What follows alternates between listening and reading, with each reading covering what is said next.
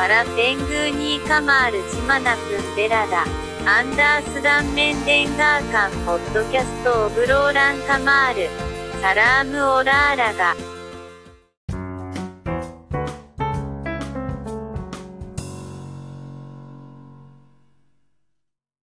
Selamat datang kembali di obrolan kamar, obrolan suka-suka dari dalam kamar, obrolan kamar, obrolan kaum rebahan.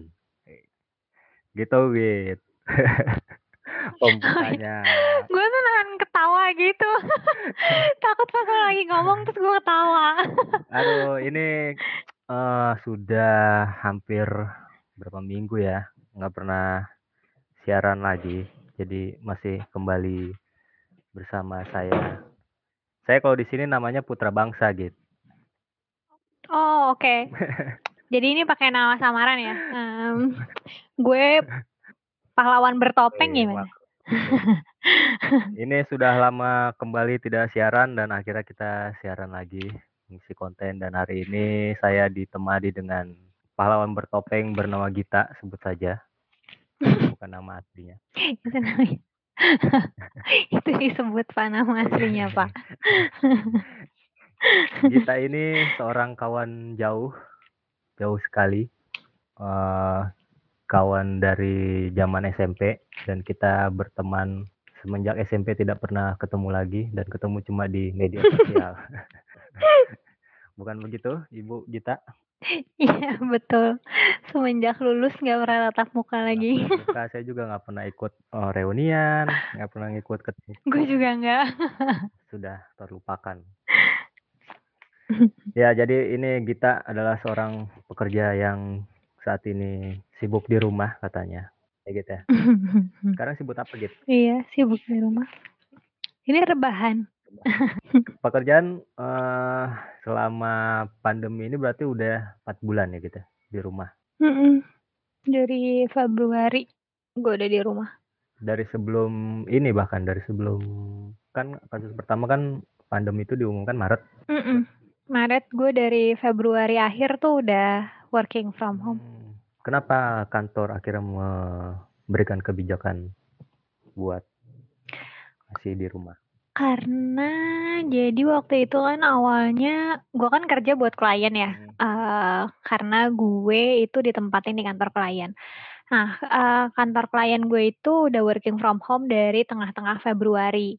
Jadi mereka udah nggak masuk tuh eh, ke kan, udah nggak masuk kantor dari tengah-tengah Februari. Pokoknya pas udah em, breakout. Nah, terus eh, klien gue itu kan multinasional juga, dia dapat eh, perintah lah dari globalnya dia kalau udah nggak boleh ada tatap muka gitu. Jadi abis itu eh, mereka langsung em, dua tiga hari setelah eh, dapat formal notice dari globalnya mereka working from home gitu. Nah gue masih ke kantor tuh dari kantor gue em, kayak selang-seling sih seminggu tuh eh, dua sampai tiga kali gitu kan. Terus eh, itu cuman kayak eh, dua minggu doang berlangsung. Jadi kayak cuma sampai akhir Februari. Terus udah habis itu eh, gue working from home full Nah, sebelum jauh ke gitu. Karena sana, terus makin banyak. mungkin eh, nanti Hmm? teman-temanmu juga perlu tahu dan teman-teman pendengar lain juga tahu. Kan teman-teman saya udah Oh, tahu udah pak, kan satu Iya, kantor. maksudnya pekerjaan pekerjaanmu apa sebenarnya? Intel kah atau Ah, apakah? Intel. Bener sih itu eh, Intel gerilya ngambilin karyawan-karyawan kantor orang buat klien gue. Apa pekerjaan di bidang apa gitu sekarang gitu? Eh, gue di bidang eh, rekrutmen, eh, rekrutmen consultant. Jadi emang eh, cari kandidat-kandidat yang fit sesuai dengan kriteria klien gue buat di hire sama klien gue gitu. Keren, keren, keren. Udah berapa tahun gitu? Em, kerja di kantor ini atau kerja di role ini? Kerja di role ini dan kerja di kantor ini. Di kantor ini tuh baru em, awal Januari, Ah, awal tahun ini, Januari awal. Eh, kalau di role ini sendiri udah dari 2014. Wih, keren. Dari sebelum kelar kuliah berarti? dari sebelum kelar kuliah sempat terus akhirnya berhenti dulu kerjanya nyelesain kuliah terus gue kerja lagi kayak kalau gue nggak berhenti kuliah gue nggak lulus lulus eh kalau gue nggak berhenti kerja gue nggak lulus lulus sulit bung sulit sulit. Nah. Iya karena udah keasikan aja gitu. Nih, nih terus uh, selama empat bulan lebih nih bekerja di rumah keberatan gak sih Hmm. kalau sebelum kita lanjut keberatan nggak kalau gue bilang lu adalah salah satu dari sekian banyak orang yang mempunyai apa kita menyebutnya privilege atau mempunyai kesempatan untuk bekerja di rumah Hmm, enggak sih nggak apa karena emang kayak gitu kenyataannya Iya, karena kan banyak juga yang uh, kantornya iya tidak, orang yang uh, daily ya, worker apa juga segala tidak macam menyediakan kebijakan itu dan penyebab lain-lainnya. Nah, iya apa beda yang paling kerasa banget gitu kerja di rumah sama di kantor? Em, jam bangun itu sih udah pasti ya Kenapa jam bangun bukannya di kantor eh di rumah lebih bisa lebih bangun siang gitu? Betul. Jadi kan yang yang paling berbeda kan kalau masuk kantor gue bangunnya lebih pagi. Hmm. kalau kalau nggak nggak masuk kantor dari di rumah aja gitu ya. Maksudnya gue bangun lebih siang.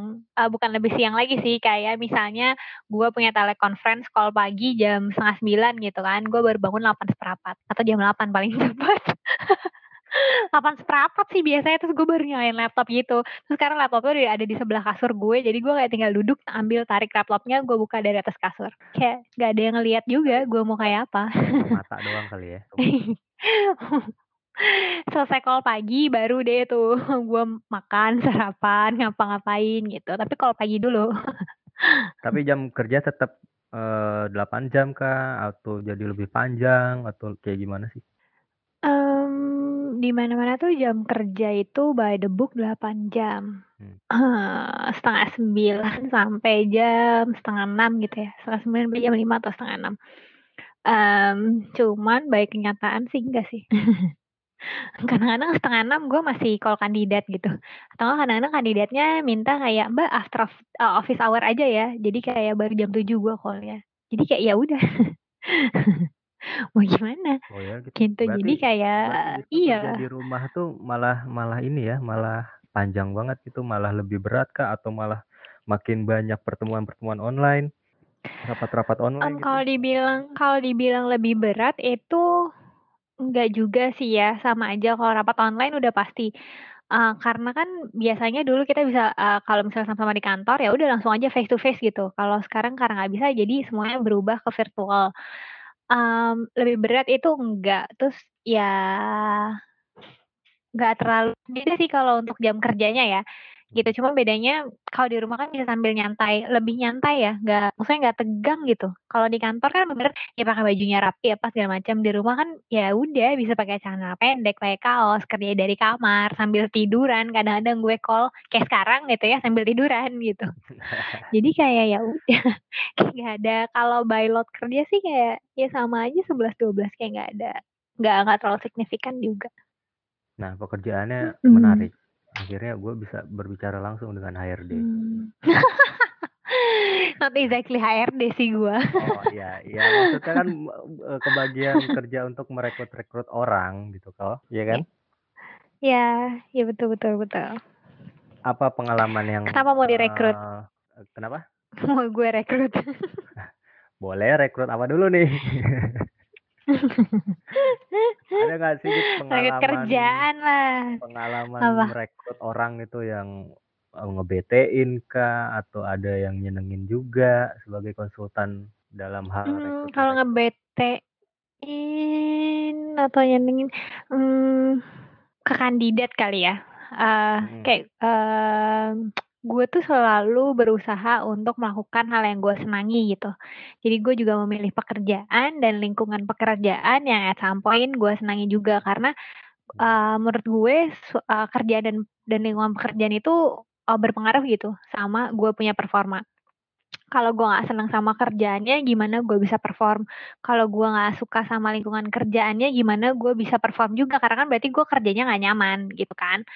Itu. Nah, em, jadi em, seringnya itu kalau dari kantor sisi kantor sendiri nggak terlalu nggak terlalu ini sih ya, nggak terlalu banyak yang misalnya pengalaman eh, tidak menyenangkan gitu-gitunya karena eh, ya cope dengan itulah. Kalau dengan kandidat tuh masih macam sebenarnya gitu.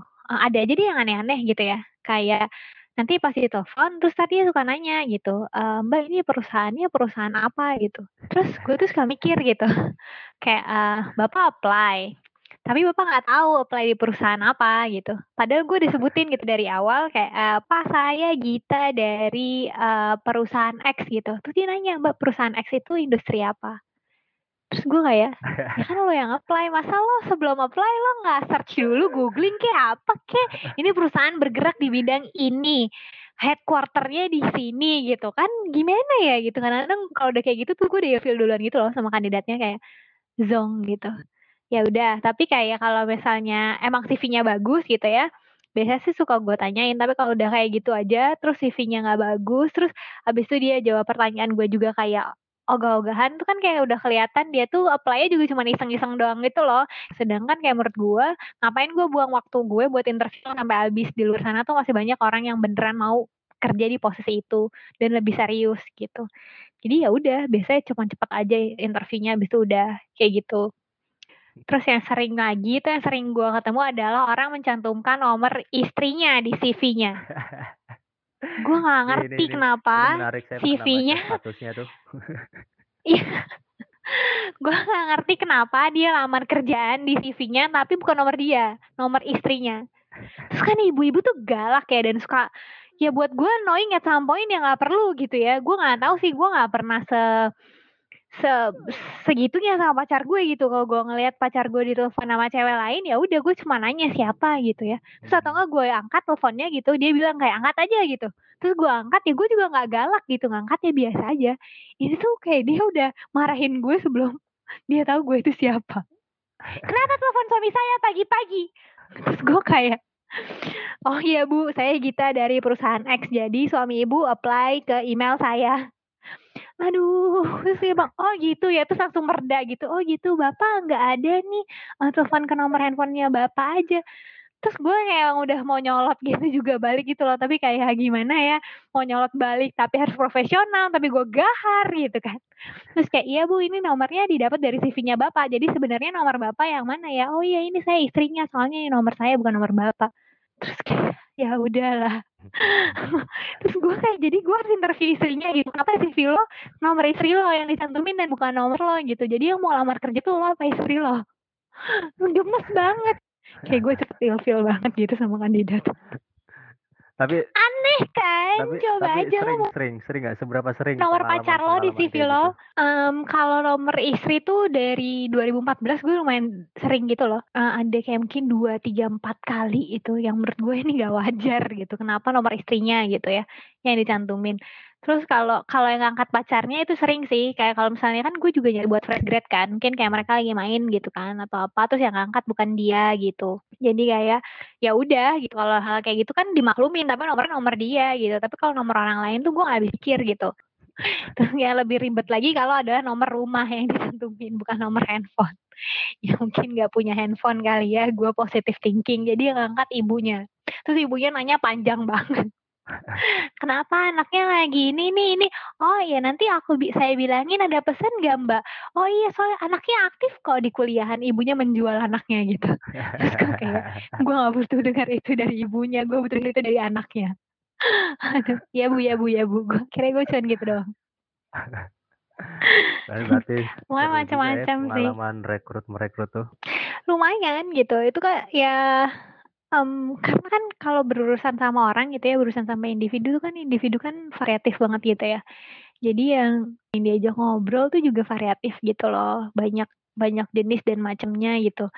Ada yang bener-bener orangnya tuh eh kedengeran banget excited, memang niat. Ada yang kayak tadi yang nggak niat, niat nggak niat kayak ini perusahaan apa ya?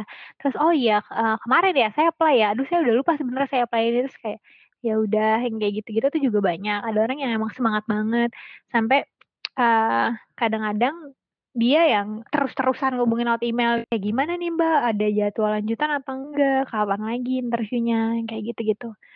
Tapi yang seneng banget tuh kalau misalnya udah di hire gitu ya, terus dia lulus gitu, eh, probation atau apa, em, terus dia kayak nge-WhatsApp, suka nge-WhatsApp gitu kayak, Mbak aku udah lulus probation makasih ya gitu. Padahal kayak gue juga nggak ngapa-ngapain supaya dia lulus probation kayak that's all on you gitu loh. Tapi kayak dia appreciate karena ngerasanya kayak iya soalnya kan aku masuk perusahaan ini karena direkrut sama Mbak Gita. Terus dalam hati tuh kadang-kadang gue mikir ya that's what's my job gitu.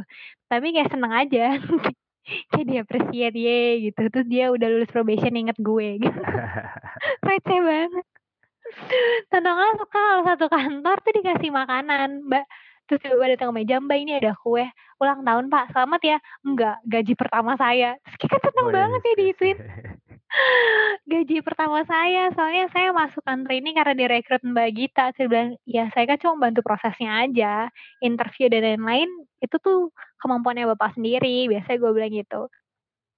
Ya nggak apa-apa mbak. Saya senang aja ini kuenya gitu terus dari satu ruangan cuman gue ini kasih kue kan gue nggak enak akhirnya kuenya gue bagi-bagi Tapi lucu setiap banget setiap sih hari kayak tuh gitu-gitu banyak setiap hari eh, ini gak sih? Setiap hari memang kerjanya lu berarti mau cari orang, mau nyari-nyari orang atau seperti apa? Iya, kayak gitu, screening CV, eh, interview Setiap hari dari selalu dilakukan. interview dari telepon. Ah iya, em, mungkin kalau setiap hari interview tuh belum tentu. Ah, karena kan kalau misalnya kita screening CV itu, kalau misalnya di LinkedIn gitu ya, kan ada em, jeda waktunya sampai eh, gue klik connect sampai dia em, accept gue punya request, friends request gitu. Hmm. Tapi kalau untuk screening sama sourcing-nya sih kita emang setiap hari ngelakuin itu gitu. Kalau interview, um, most of the time sih setiap kali, eh setiap hari, cuman mungkin nggak terlalu banyak. Kayak mungkin sehari dua atau tiga gitu. Hmm. Karena itu ada jeda waktunya itu kan, dua atau tiga, lima lah banyak. Itu lima tuh jatuhnya udah lumayan banyak gitu. Kalau dari pengalaman saya berarti mau mencari tahu HRD sekarang. Apa sih sebenarnya yang dilihat atau sebenarnya dinilai eh, oleh HR HRD itu oleh eh, teman-teman seperti yang Ibu Gita lakukan? Apa sih sebenarnya yang dilihat dari calon rekrut? Hmm, ini Selain CV em, ya. gue ngomong ah ya gue ngomong ah, berdasarkan diri gue sendiri ya jadi eh, gue nggak bisa mengeneralisir kalau semua orang melihat hal yang sama atau melakukan hal yang sama sama gue Hmm. walaupun eh, punya pekerjaan yang similar sama pekerjaan gue gitu eh kalau gue tuh lebih kayak jadi tergantung sih eh, akan dilihat nih role-nya ini role apa Eh, kemudian usernya seperti apa role-nya role apa, usernya seperti apa, nanti di-combine berarti kebutuhannya itu akan seperti apa. Nah, kayak kalau misalnya orang accounting berarti kan harus eh, ngelihat orang yang memang pay attention to detail, orang yang memang eh, suka ngolah data, orang yang memang teliti, yang kayak gitu-gitu kan. Eh, tapi akan beda saat kita ngerekrut untuk position technical gitu, misalnya orang-orang teknik mesin gitu ya. Hmm. Kan eh, bukan tipikal orang-orang yang mungkin eh, ngolah data, tapi lebih pekerjaan-pekerjaan yang skill test kan, technical technical work gitu, yang eh, seberapa eh, pengetahuannya dia tentang pekerja pekerjaan yang akan dia lakukan gitu. Terus nanti dilihat lagi eh baik eh, personality dia akan cocok apa enggak sama usernya. Usernya galak, nggak nggak mungkin lo akan ngajuin orang yang perasa. Hmm. Tadi galakin nangis, resign. Oke, oh berarti lu juga Iya melihat kan? ininya ya, melihat tempat bekerjanya gitu. Iya, melihat eh, tipikal usernya, tipikal pekerjaannya, tipikal kandidatnya seperti apa gitu. Jadi dilihat, ya banyak sih sebenarnya actually as- aspeknya yang dilihat gitu. Jadi ya itu yang kayak gue bilang kalau eh, usernya galak gitu, misalnya suka ma kan ada banyak ya, bukan ada banyak bos yang kalau marah marah aja di depan orang. Hmm. Banyak banget kan. Kayak gimana sih kamu kayak gini aja nggak bisa bego banget gitu. Itu banyak banget yang kayak gitu. Apalagi kalau orang-orang em, apa namanya yang kerjanya technical dan pressure gitu ya. Hmm. Itu sering banget. Nah, terus eh, sedangkan terus anak buahnya yang sensitif yang kayak digituin, kok gue dibentak-bentak sih di depan orang padahal kan kesalahannya cuman kayak gini doang. Lah mana betah.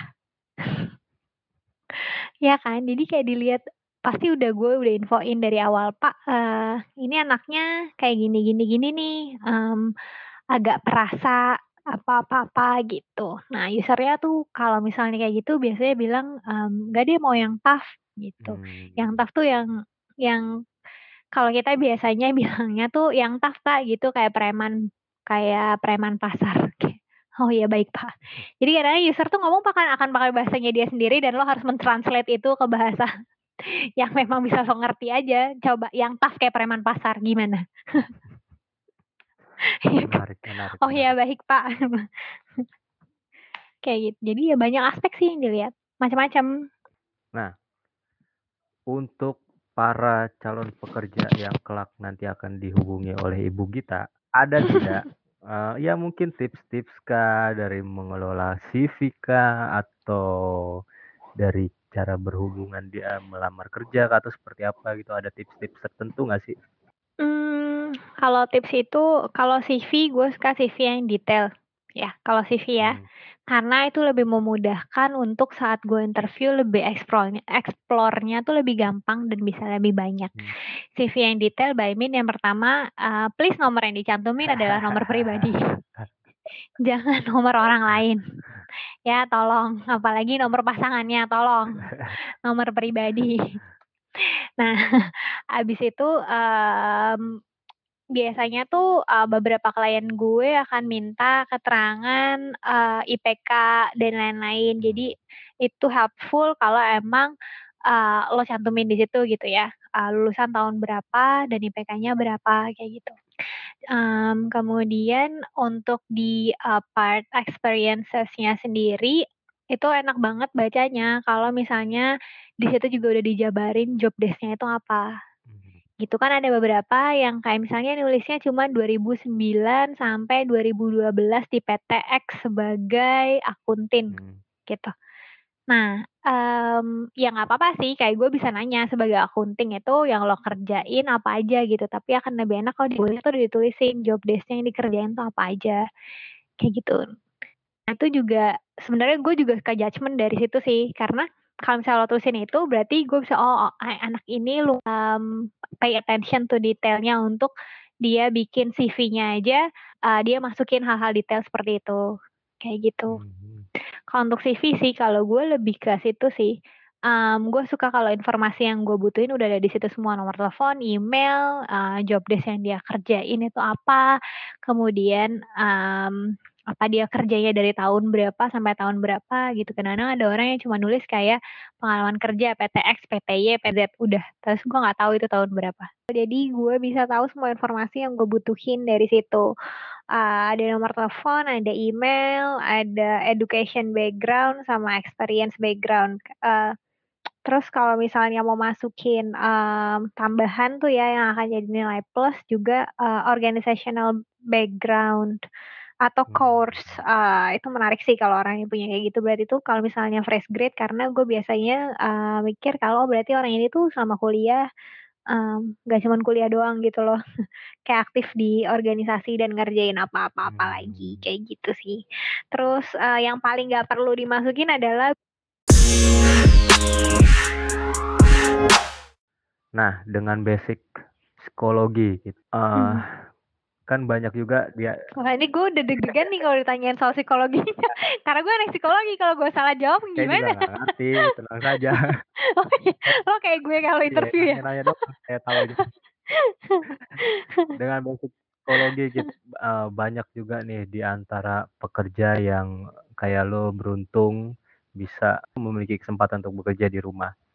Semua aktivitas kita nih, eee, sekarang terkurung gitu loh, maksudnya terbatas. Tidak terkurung juga sih, Mhm. kita me punya terbatas. Dan satu sisi juga ada banyak orang yang tidak tidak terbiasa berada terus-terus di rumah, dengan kondisi yang mau ke mana serba terbatas, tidak bebas seperti dulu lagi. Mhm. Satu sisi itu memunculkan masalah baru di soal kesehatan mental. Menurut lo sendiri Betul. bagaimana? Mmm, gue setuju sih, eee, karena gue juga bukan tipikal yang betah lama-lama di rumah, actually. Ini honest honest speaking lah ya, eee, capek karena karena ada, eee, mungkin bukan cuman gue, ada banyak orang, mmm, yang perlu, eee, men-distract dirinya, eee, once in a while, eee, dari apa yang terjadi di dalam rumahnya gitu. um, kayak uh, contoh ekstrimnya mungkin adalah orang-orang yang uh, KDRT dan Hmm. lain-lain gitu ya. Um, gue nggak sih nggak di rumah gue nggak KDRT enggak. Cuma kan ada orang yang kayak gitu gitu ya. Cuma uh, ada orang yang butuh jadinya harus memang keluar rumah untuk menghindari hal-hal kayak gitu. Kalau gue lebih butuh keluar rumah um, bukan untuk menghindari hal-hal kayak gitu, tapi karena emang Iya, merasa lama-lama, uh, lelah gitu ya, uh, ketemu orang yang sama, uh, 24 jam, literally 24 jam. Bangun, tidur, melek, ngelihat muka mereka, sebelum tidur merem, ngelihat muka mereka lagi, right? Betul. Uh, jadi kayak memang butuh yang tadi gue bilang, uh, mendistrak dirinya, uh, akan hal lain gitu loh. Nah, jadi, um, gue agree kalau itu menimbulkan masalah baru gitu, uh, di masalah kesehatan mental gitu. Karena banyak orang yang memang butuh um, untuk uh, ya mendistrak diri tidak selalu bertemu dengan orang yang sama gitu. Kayak kalau di kantor aja salah satu kenapa gue seneng uh, dengan pekerjaan gue adalah karena required gue untuk ketemu banyak orang baru. Jadi gue nggak ngeliat muka yang sama terus-terusan. itu salah satunya gitu. Nah, um, kalau gue mengakalinya adalah salah satunya bisa dengan uh, lari di uh, sekitar komplek Hmm. itu buat buat gue at some point udah cukup gitu. Nah, tapi um, itu cuman kayak satu jam gitu ya. Ada orang yang butuh lebih lama, ada yang enggak. Buat gue satu jam keluar rumah lari di um, sekitar komplek gue tuh udah cukup.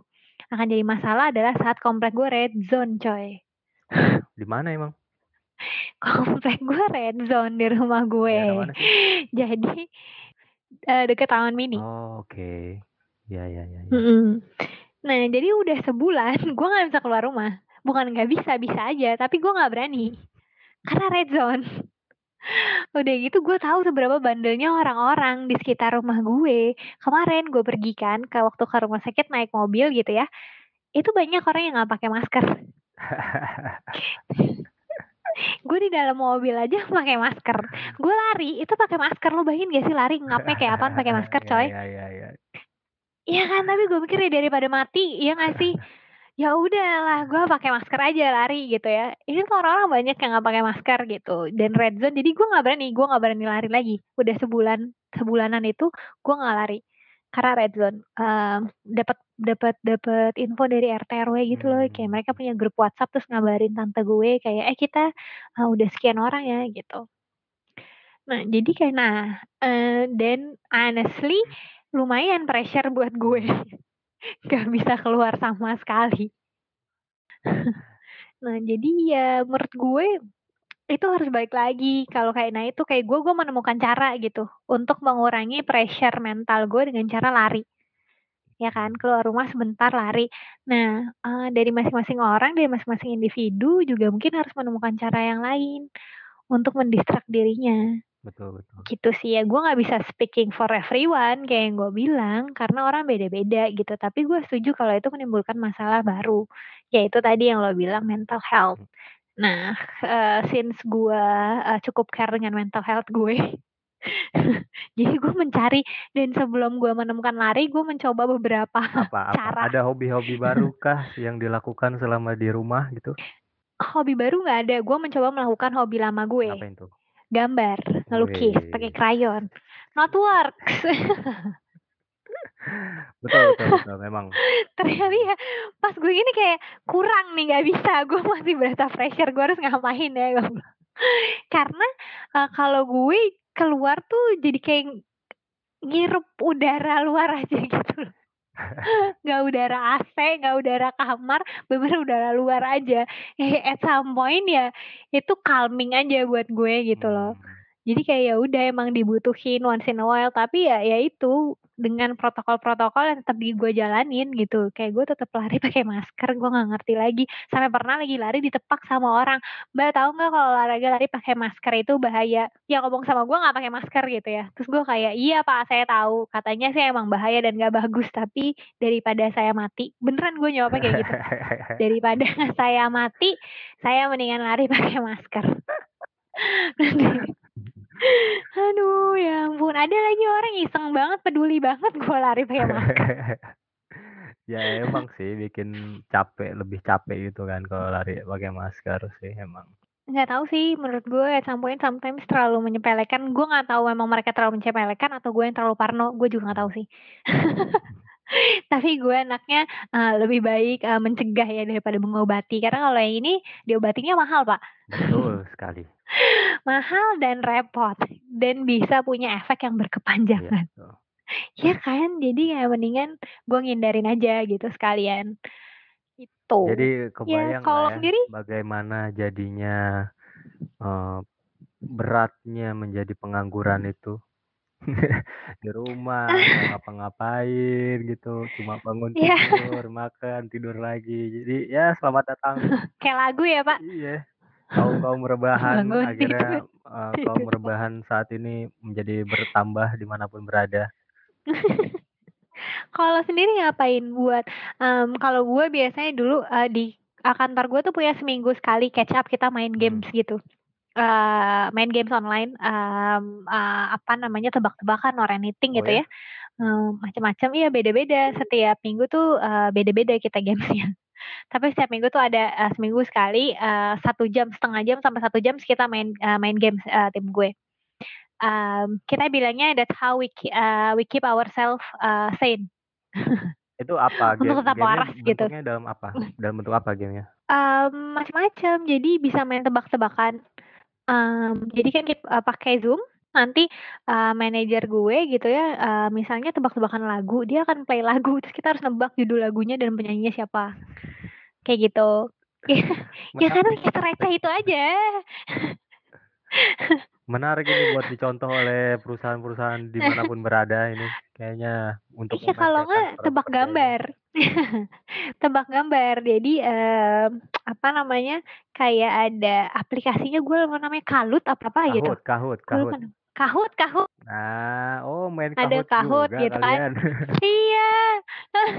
Terus ada pertanyaannya apa kan, nah kayak gitu, Kahoot. Iya iya. Terus ada gue lupa ada satu lagi aplikasi yang gambar, jadi ada tulisannya itu, rumah. Nah, eee, lo tuh harus membuat orang-orang menebak gambar itu, gitu, me menebak benda itu, tapi cuman dengan gambar. Ya udah kayak gitu.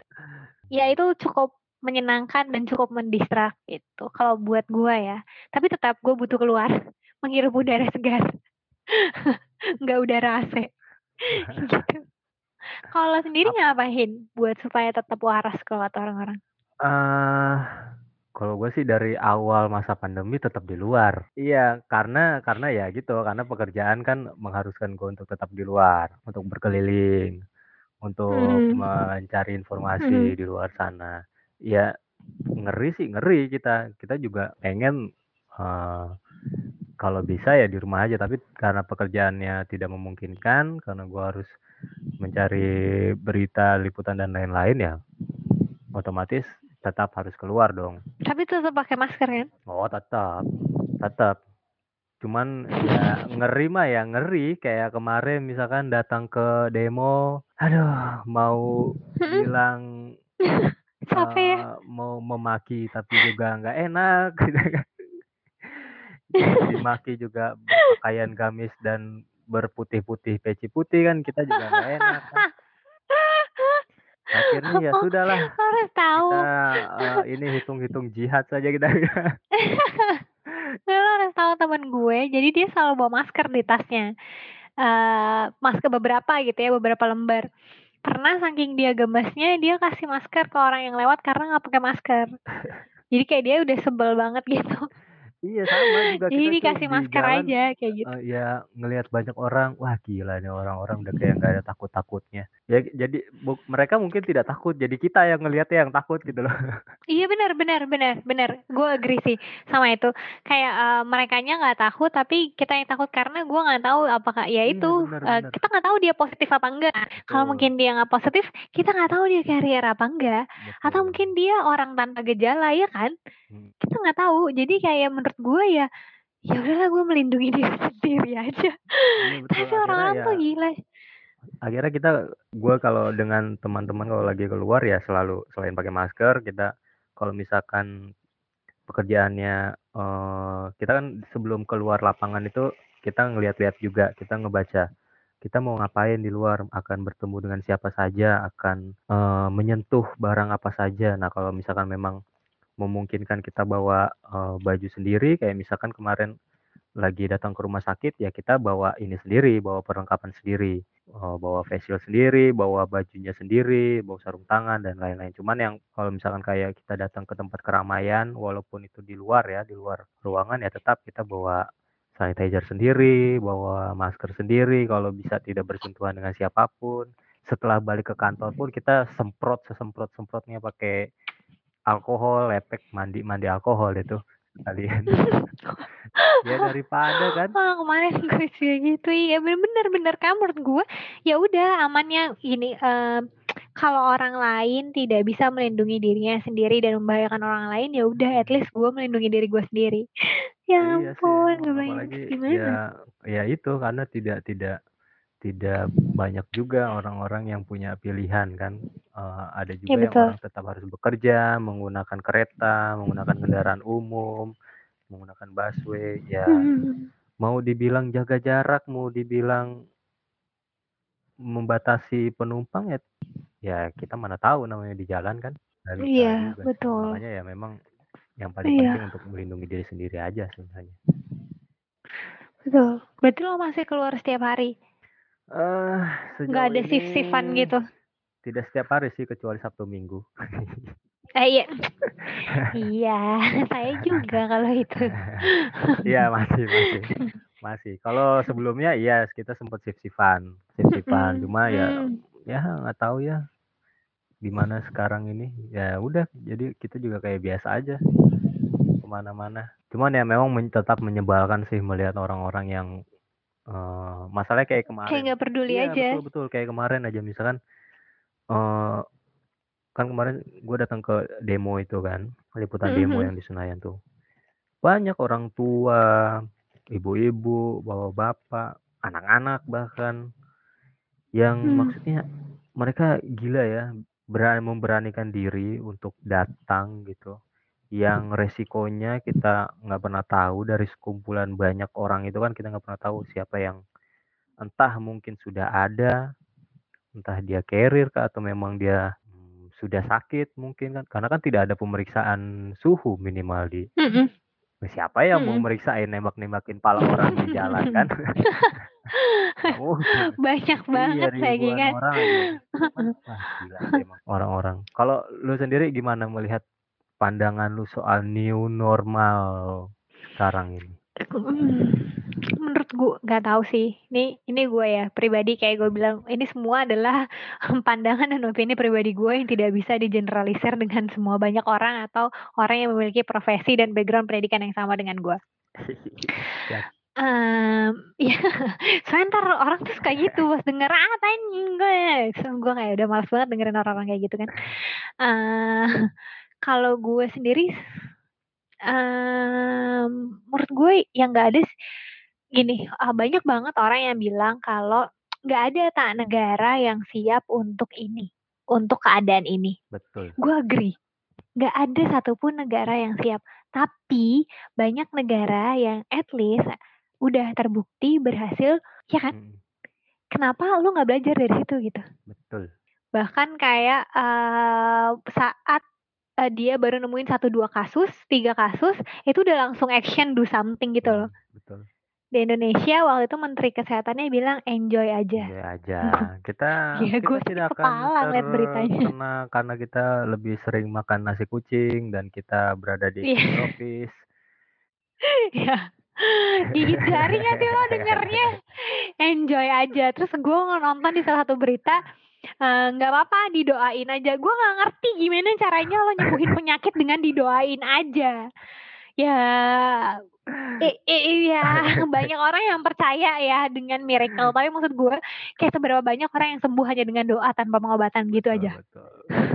Iya kan, kayak gue anaknya realistis aja gitu. Didoain aja nggak bakalan kena kok. Tiba-tiba seminggu kemudian setelah dia ngomong kayak gitu 20 blar. Terus gue udah kayak doa aja pak supaya nggak nambah. ya, kalau gue pun gue sekarang beragama juga nggak beragama beragama banget. Gue juga nggak beragama beragama banget. itu tuh masalahnya bukan masalah agama, itu tuh masalah ya, common sense. Sebel.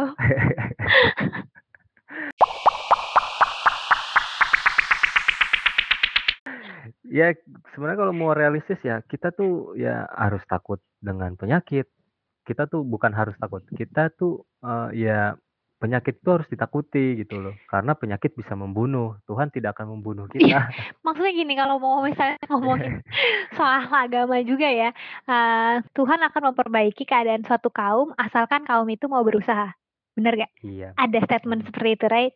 Lah kalau lu aja kagak usaha pakai masker, jalan-jalan aja kayak nggak pakai dosa, habis itu lo kena Covid terus lo bilang, "Ya Tuhan kenapa saya kena Covid?" Iya berantem di sini sama gue. Gemes banget, kenapa saya kena Covid? Paling yang iya, paling yang repot malaikat nyatetin amal-amal, "Nih ngapain sih nambah-nambahin kerjaan gua?" Nah, gitu. bukan cuman itu. Sekarang kalau dia kayak gitu dan menyebarkan penyakit ke orang lain, apa nggak dicatat sama malaikat yang ada di sebelah kiri tuh? Lo nyusahin orang, gara-gara lo orang lain sakit, kalau diem aja di rumah atau lo pergi pakai masker, orang ini nggak sakit, tambah kan dosa lu. Kalau mau ngomongin agama sekalian aja kayak gitu, gitu. Itu aja gue ngomong masih pakai logika gitu ya, yang gue sambungin aja sama agama yang gue pelajarin dari TK. Gue nggak tahu sih ini benar apa salah. Kayak yang gue bilang ini opini pribadi gue aja. Karena gue udah gemes. Ya, eee, nggak tahu ya apa kalau gue sih ngerasanya kenapa masyarakat kita tidak disiplin seperti sekarang ya karena, ya pemerintahnya juga nggak Iya, jelas kan makanya gue gitu. bilang PSBB yang tidak ketat. Iya, kebijakannya tidak Iya. jelas. Eee, terlalu pelin-pelan, Betul. terlalu apa ya, mengambil Betul. lain-lain. Malah masa kita me buang-buang duit bikin lomba 168 Iya, miliar, itu bikin lomba lo pengen baca daripada lu lu, Gue pengen nangis baca beritanya. Daripada itu kan mendingan buat APD kek, buat apa kek. Ya, perbaiki puskesmas-puskesmas kecil di Alah. desa-desa, perbaiki fasilitas Iya. daripada bikin Mempur lomba. mempermurah swab test deh paling enggak. Kemarin ada ibu-ibu yang meninggal anaknya gara-gara nggak mampu ba bayar swab test mau ngelahirin nggak bisa. Sedih nggak sih bacanya? Iya, itu di Makassar. Iya, sedih kan. Terus tiba-tiba setelah itu, mmm, kayak 20 menit kemudian keluar deh tuh berita, 180 juta apa 100 berapa buat lomba bikin video. Ya ampun, gue nggak ngerti lagi. Dulu tuh waktu dites, dia ditesnya pakai apa sampai bisa lulus, itu aja gue nanyanya. Gue pengen nanya fit and proper test-nya tuh kayak apa. Sedih banget. Gue sedih banget bacanya. Kayak ya mau gimana lagi, tapi ya gue juga nggak bisa ngapa-ngapain karena gue bukan orang pemerintahan yang bisa do something about it. Yang kayak gue bilang, at least gue ngelakuin dari diri gue sendiri dan untuk diri gue sendiri aja dulu. Kalau keluar pakai masker, sesimpel itu. Yang itu menurut gue usaha terkecil yang bisa gue lakukan dan gue yakini akan berdampak cukup signifikan at least. Daripada ngeluarin duit ratusan juta untuk bikin video, tetep. Tetep. Tetap. Iya, emang kalau memang kita ngobrolin pemerintah ya selain juga males, terlalu banyak lelucon yang dikasih oleh mereka. Ya, gimana Ya, ya. lumayan. Sementara di sisi lain tertawa juga semakin mengerikan. Gue tuh suka pengen gue tanya ya, dulu tuh waktu sekolah nggak diajarin untuk mengurutkan skala prioritas ya? Prioritasnya video. Semua terlalu banyak prioritas. Yang prioritas yang paling utama adalah yang bisa menghasilkan keuntungan banyak-banyak. Agree sih, gue nggak bisa nggak agree dengan itu sih. gue gue hampir keceplosan lo ngomong kasar. Tapi gue agree sih dengan itu gimana ya? Karena semua prioritasnya dilihat lagi dari kepentingannya siapa. Itu satu dan um. Prioritasnya diurutkan berdasarkan kepentingan dan keuntungan. Itu. Aduh. Itu saja Ya ampun, gue menyesal nanya sih. Iya. Karena ya makanya kita cuma bisa berharap kepada kawan-kawan alien di luar sana. Kalau kalian mau datang ke sini, saya akan membayar lebih kepada kalian untuk membawa saya ke luar angkasa. Dengan catatan gue bisa nafas luar angkasa sih. Aduh ya, gue yang Serius. lama-lama juga putus asa di rumah mulu ya 4 bulan. Gue juga putus asa woi. Nggak cuma Iya mereka gitu. doang yang putus asa. Aduh, tapi Ya, gimana? pada akhirnya gimana ya? Manusia zaman sekarang nih manusia emang keren lah menjadi manusia itu keren di satu sisi menjadi manusia yang manusia itu sulit. Dan gue nggak bisa nggak agree sih dengan itu menjadi manusia yang manusia itu sulit. Gue agree sih dengan itu. Gue nggak bisa untuk nggak agree gitu. menjadi manusia yang sulit. manusia ya benar benar benar benar menjadi manusia yang manusia itu sulit dan dari kondisi kayak gini itu semakin di challenge untuk memanusiakan manusia gitu. Betul. ya kan karena banyak Ah. juga manusia yang tidak pantas dimanusiakan kadang-kadang. Tapi kayak ya udah gitu mau gimana lagi. Kayak maksudnya gak semua orang memiliki kesadaran gak semua salah. Kalau kepake bahasa lo gak semua manusia memiliki kesadaran untuk menjadi manusia.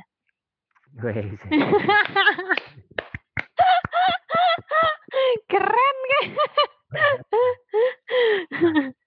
nggak semua manusia memiliki kesadaran untuk menjadi manusia itu aja Nah. sih enjoy aja kalau kata Pak Menteri Makanya sebenarnya eh, eh, kritiknya bintang Emon kemarin itu walaupun itu cuma bercandaan, yang mana ada nih benernya juga. yang nggak sengaja yang iya nggak sengaja satu Hmm. sisi nggak sengaja dengan eh, sebenarnya pekerjaan setan itu jauh lebih mudah sekarang iya karena eh, kebanyakan manusia sudah berperilaku seperti mereka jadi pe- pekerjaan setan-setan itu jauh lebih mudah gitu. Nggak mereka ada tidak harus turun lapangan. Bener manusia sudah menjalankan tugasnya seperti ini. bener sih gue gue kayaknya minta maaf dulu deh sama teman gue. Maaf ya lo melihat sisi dark gue yang melihat dunia sedang sedang tidak indah gue bilang. Nah, ini kayak tadi kalau gue merasa eh, sulit memanusiakan manusia, justru di sini sih jadi mau gak mau belajar untuk memanusiakan manusia.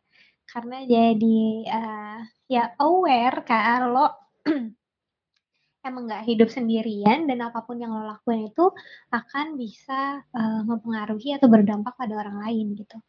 Jadi mau nggak mau dituntut untuk memanusiakan manusia walaupun buat gue pada satu titik itu cukup sulit gitu untuk memanusiakan manusia.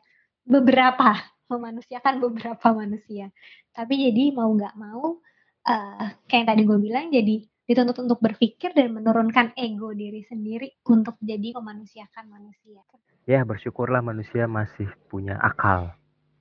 Iya sebenarnya hewan juga punya akal tahu tapi dalam bentuk yang berbeda aja. punya ya nggak sih kayak maksudnya saat dia ngelihat mm, lapar ada di atas pohon akalnya gimana kalau nggak bisa panjat gitu. Iya nggak sih? Kalau banyak di video-video yang lo lihat di kebun binatang. Ya gue sih nganggapnya gitu aja. Gue masih uh, mencari perbedaan yang signifikan antara hewan dan manusia sebenarnya selain akal. Ya tapi ya itu sih mungkin. Um, so far yang yang jadi dituntut itu ya tadi memanusiakan manusia manusia yang menjadi manusia ya apa yang lo bilang sulit menjadi manusia Iya. cannot disagree sih gue Oke deh. Aduh, tidak terasa kita sudah menuju jam ketiga. oh ya ya ampun nah iya juga Makasih banyak loh Git udah mau ngobrol-ngobrol sedikit Mhm. berkeluh kesah. ya sama-sama tidak, gue juga tidak kapok di telepon lain waktu. enggak enggak sama-sama udah akhirnya bisa eh, apa ya eh, mengeluarkan unek-unek eh, tentang apa pun itu yang terjadi sekarang Walaupun yang dikeluarin juga belum semua, mungkin saya iya rasa. eh, belum semua sih tapi itu kayak tadi gue bilang ini dari sisi gue doang pandangan gue opini gue karena eh, mungkin gue nggak punya kapasitas juga untuk itu ini lebih ke unek-unek aja sih instead of eh, challenging topik untuk kan somehow mungkin orang-orang bilang kayak lo kan nggak punya kapasitas untuk itu. Betul saya tidak punya kapasitas untuk itu. Tapi saya punya kalau kata orang hak untuk eh, berpendapat. Tuh, justru itu sebenarnya obrolan kamar itu hadir. oh baiklah. Selain sebagai wadah untuk menjaga kewarasan bagi saya sendiri sebenarnya. karena saya ngobrol dan mungkin di luar sana orang juga butuh teman ngobrol mungkin lu juga butuh teman ngobrol tapi eh, terbatas gitu. Ya akhirnya ya gue sih lewat ngajak ngobrol-ngobrol kayak gitu tuh selain eh pasti di luar sana banyak orang-orang yang juga kesepian gitu loh. Banyak orang yang sebenarnya pengen ngobrol tapi nggak bisa. Betul. tapi ya susah juga Benar, karena kan kayak gini-gini ya eh, memang sih ya kayak yang di yang lo bilang wadah untuk ngobrol dan berpendapat sesuai dengan pengalaman hidup masing-masing gitu ya yang lagi dihadapi dan Iya. dijalani gitu. Makanya pasti kalau lo ngobrol sama orang lain mungkin dia punya opini dan pendapat yang beda sama gua karena pengalaman hidupnya beda sama gua. iya dan tidak ada salah benar Iya, dan punya knowledge, background knowledge yang beda sama gue. Mungkin kalau uh, lo ngobrolnya sama yang backgroundnya bukan psikologi, tapi backgroundnya kedokteran, pasti kan beda juga melihat uh, dari sisi sudut pandang sisinya. dan tidak masalah Iya. itulah kenapa obrolan kamar karena ya di dalam kamar terkadang banyak obrolan-obrolan yang justru terlahir jauh lebih eh, apa ya jauh lebih hangat jauh lebih dekat jauh lebih intens ketika lu ngobrol Lebih jujur sih menurut ruangan. bener banget. Itu sudah poinnya. Jadi intinya sih hmm, gue pribadi mau bilang bahwa eh, sudah saatnya kita menjadi manusia yang sebaik-baiknya untuk lingkungan terdekat kalau gue pribadi. Eh, ketika lo sudah berbuat sesuatu yang baik di hari ini ketika lo hidup kemudian di esok hari yaitu adalah bonus dari apa yang sudah lakukan dari apa yang sudah lo lakukan di hari kemarin gitu loh Hmm, Karena ya yang tadi sih, gue pribadi Gitu. karena um, ketika lu berbuat baik hari ini, ketika lu tidak merugikan orang lain di hari ini, dan lu masih punya kesempatan hidup di hari esok, ya itulah privilege hasil dari yang lu betul betul. uh, apa yang lo lakuin hari ini itu bisa berdampak untuk orang lain. Untuk mau melakukan sesuatu tidak lagi uh, berpikir sebagai individu, tapi juga berpikir untuk uh, gimana orang lain. Luar biasa. Semoga dari obrolan ini pemerintah tidak merasa saya sudutkan ya. Kalau ada orang pemerintahan yang mendengar daripada udah eh, marah-marah nanti semoga tidak ada yang merasa disudut, disudutkan lagi. Cuma opini, opini dalam kamar. Obrolan kamar, obrolan kaum berbahan. Makasih kita, Sip, sama-sama. makasih banyak ya. Sama-sama. Salam keluarga, sehat-sehat selalu Amin. di mana pun berada, Amin, amin. tetap waras di mana pun berada. Iya, iya, iya. Mudah-mudahan kita ketemu lagi di lain waktu. Amin. Lo juga eh, hati-hati kalau lagi kerja keluar. Eh, tetap eh, mematuhi protokol-protokol aman. Menjaga diri dan Siap. tetap sehat. Oke? Siap. Terima kasih kita. Dadah.